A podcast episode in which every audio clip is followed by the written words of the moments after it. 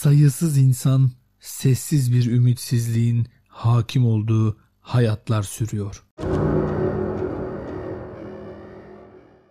Ve Part Time'da bu ışıltılı hayatı biz seçmedik isimli podcast serimize devam ediyoruz. Hepiniz ikinci bölüme hoş geldiniz.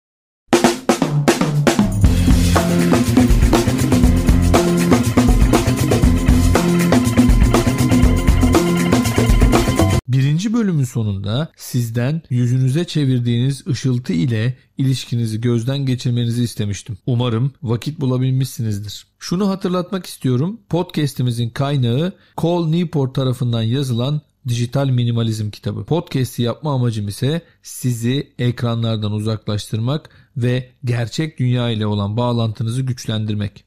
Unutmayın Vaktinizin en fazlasını sizden alan uygulamalar saplantılı kullanımı hedefleyen iş planları sonucunda üretildi ve bu saplantılı kullanımdan kurtulmak radikal kararlar almayı gerektiriyor. Yani bizim tam teşekküllü bir teknoloji kullanım felsefesine ihtiyacımız var. Bu felsefe şöyle olmalı.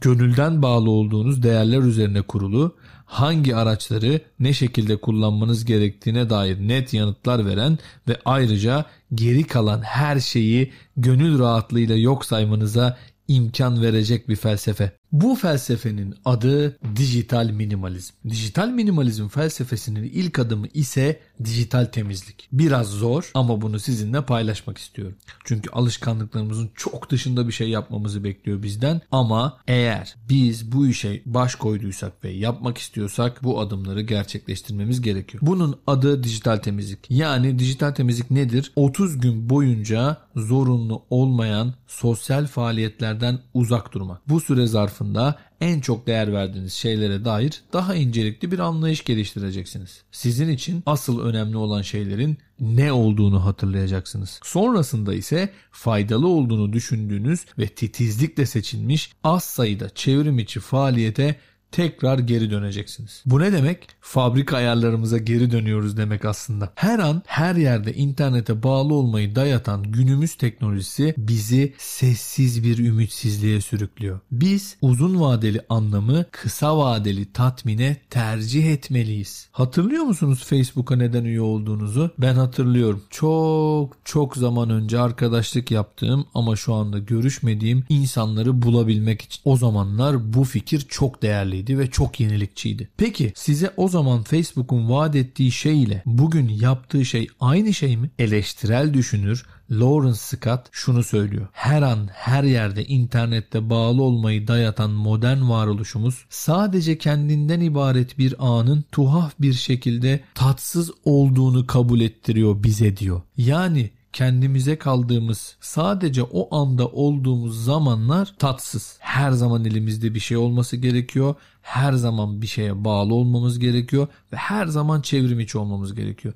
İşte bize dayatılan şey tam olarak bu. Bu çok tehlikeli. Zorunlu meşguliyet alanları yaratıyoruz kendimize. Bu kendimiz ile kaldığımız anları değersizleştiriyor aslında. Pek çoğumuz şunu unutuyoruz. Söz konusu değişiklikler muazzam ve dönüştürücü olmalarının yanı sıra beklenmedik ve plansızlar. Hiçbirimiz Facebook'ta profil oluştururken günde 2 saatimizi onunla geçireceğimizi veya bir akıllı telefon satın aldığımızda günde 85 kere onu açıp bakacağımızı öngöremezdik. Hayatlarımıza çok hızlı girdiler ve biz onlardan aslında ne beklediğimizi kendimize soramadık bile. Biz bu dijital dünyayı en başından itibaren kabul etmiş değiliz. Daha çok yuvarlanıp içine düştüğümüz bir dünya burası. Bizi ise asıl rahatsız eden şey kontrolü kaybetme duygumuz. Arkadaşlarımızın paylaşımlarına bakmak için girdiğimiz uygulamalarda komik hayvanları veya garip düğün halaylarını izlerken buluyoruz kendimizi. Bize ne kardeşim? Bana ne o halaylardan? O kediler o yumaklarla oynuyorsa bana ne? Ben bunun için orada değilim ki. Yine tekrarlamak gerekirse işte bizim podcast serimizin ismi bu sebeple bu ışıltılı hayatı biz seçmedik. Mesele bu araçların işe yarayıp yaramaması değil aslında. Mesele kaybettiğimiz özerkliğimiz. Peki Nasıl bulaştık biz bu işe? Bu işe bulaşmamız için harcanan milyarlarca doların karşısında duramadık. Onlara karşı koyamadık çünkü çok büyükler. Çünkü çok planlılar, çok inanmışlar ve çok hırslılar. Bu marifet cihazların ve uygulamaların egemenliğindeki bir kültürden elde edebilecek muazzam serveti keşfeden dikkat endüstrisinin ve pahalı cihaz üreticilerinin marifeti. Onları alkışlıyoruz.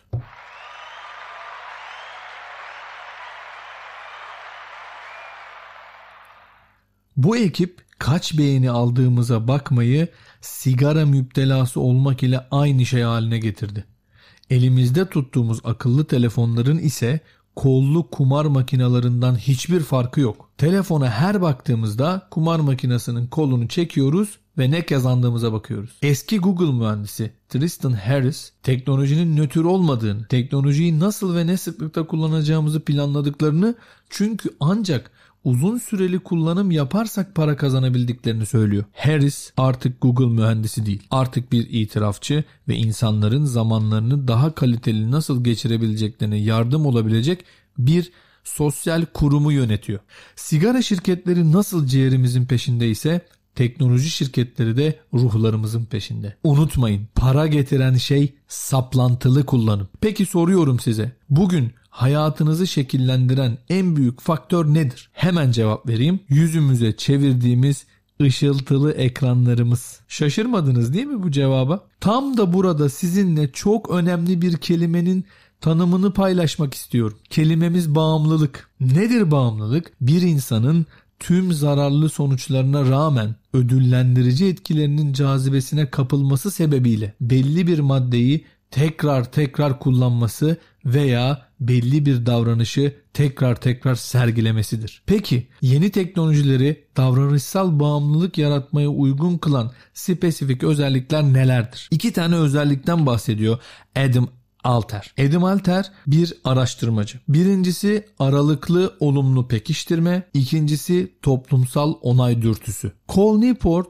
kitabında bu iki olguyu o kadar güzel özetliyor ki ben hiç kısaltmadan size direkt kitaptaki aktarımı paylaşacağım. Beyinlerimiz bu iki etkiye son derece duyarlı. Bu husus önemli. Zira insanları durmadan telefonlarına veya bilgisayarlarına bakmaya iten uygulamalar ile web sitelerinin pek çoğu kendilerini neredeyse karşı konulmaz kılmak için bu iki etkiyi adeta birer kanca olarak kullanıyor. Alter'in ortaya attığı iddiayı anlamak için her iki etkiyi de kısaca ele alalım. Aralıklı olumlu pekiştirme ile başlayalım. 1970'lerdeki güvercin deneyiyle Mihail Zeyler'in de ortaya koyduğu gibi ne zaman verileceği öngörülemeyen ödüller belli bir düzen içinde verilen ödüllere nazaran çok daha cezbedicidir. Çünkü öngörülemezlik durumu beyinde arzu duygusunu düzenleyen dopamin adlı nörotransmitterin bir şekilde daha fazla salınmasına sebep olur. Zeyler'in deneyi ise şu şekilde işliyordu. Güvercinler bir butonu gagalıyor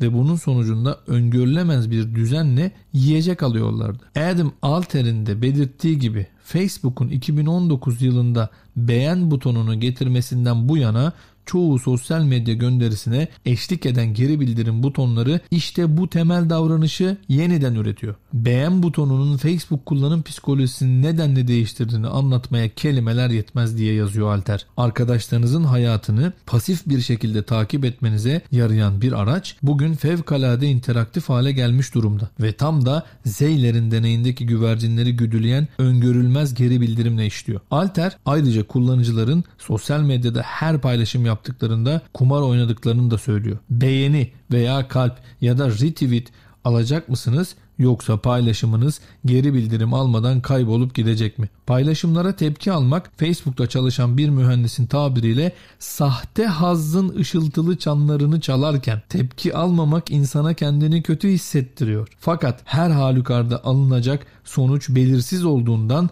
bağımlılık psikolojisinin de bize gösterdiği gibi paylaşım yapma ve hesapları kontrol etme faaliyeti karşı konulmaz ölçüde cazip hale geliyor. Sosyal medyanın geri bildirimleri öngörülmez pekiştirme özelliğine sahip yegane çevrim içi faaliyet değil elbette. Belli bir web sayfasına belli bir amaçla mesela hava durumuna bakmak amacıyla girip yarım saat sonra kendini o galeriden öbürüne bir başlıktan diğerine şuursuzca atlarken bulmamış pek az insan vardır herhalde. Öngörülemez geri bildirimin teşvik ettiği bir diğer davranış da bu işte. Pek çok çevrim içi içeriğin bomboş olduğu bir gerçek. Fakat nadiren de olsa güçlü duygular uyandıran, mesela öfkelendiren ya da güldüren içeriklerle de karşılaşıyoruz. Tıklanan her cazip başlık veya Yeni sekmede açılan her ilgi çekici bağlantı kumar makinesinin kolunu çekmeye benziyor bir anlamda. Teknoloji şirketleri bu öngörülemez olumlu geri bildirimin nedenli kuvvetli bir kanca olduğunun kuşkusuz farkında zaten ürünlerinin cazibesini arttırmak amacıyla sürekli ufak tefek değişikliklere gidiyorlar. İfşacı Tristan Harris'in de işaret ettiği gibi uygulamalar ve web siteleri çeşitli ödülleri ara sıra belirecek şekilde ürünlerinin her yerine saçıyorlar. Çünkü bu şekilde para kazanıyorlar. Dikkat çekici bildirim işaretleri veya tek bir parmak işaretiyle ekranı kaydırarak ilginç bir gönderiye denk gelmenin verdiği tatmin güçlü tepkiler oluşturabilmek için titizlikle tasarlanıyor. Harris'in de belirttiği gibi Facebook'un ilk başta bildirim sembolü sitenin renk paletine uygun bir şekilde maviydi. Fakat kimse kullanmadı bunu. Bu yüzden bildirim rengini kırmızıya, uyarıcı bir renge çevirdiler ve tıklama oranı patlamaya. Muhtemelen en çarpıcı manidar itiraf Facebook'un kurucu başkanı Sam Parker'dan geldi. 2017 yılının sonbaharında katıldığı bir etkinlikte eski şirketinin kullandığı dikkat mühendisliğinden açık yüreklilikle bahsetti. İlk örneği Facebook olan bu uygulamaların inşasında rol oynayan düşünce sürecinin gelip dayandığı yer şuydu. İnsanların vaktini ve bilinçli dikkatini azami düzeyde nasıl tüketebiliriz? Bu sizlere ara sıra ufak bir doz dopamin vermemiz gerektiği anlamına geliyordu ve bu da birilerinin fotoğrafınızı veya gönderinizi beğenmesi ya da yorumlamasıyla gerçekleşiyordu. Davranışsal bağımlılıkları teşvik eden ikinci etkiye yani toplumsal onay dürtüsüne bakalım şimdi de. Adam Alter haklı. Sosyal varlıklar olarak başkalarının hakkımızda düşündüğü şeylere hepten kulak tıkayamıyoruz. Bu uyumsal bir davranış elbette. Yontma taş devrinde insanların toplumsal statülerini diğer kabile üyeleri karşısında dikkatli bir şekilde idare etmesi çok önemliydi. Çünkü hayatta kalmanın yolu buradan geçiyordu. Fakat 21. yüzyıla gelindiğinde yeni teknolojiler kökleri derinlere uzanan bu güdünün kontrolünü ele geçirerek kar elde edebilecekleri davranışsal bağımlılıklar yarattılar. Yine sosyal medyadaki geri bildirim butonlarını düşünelim.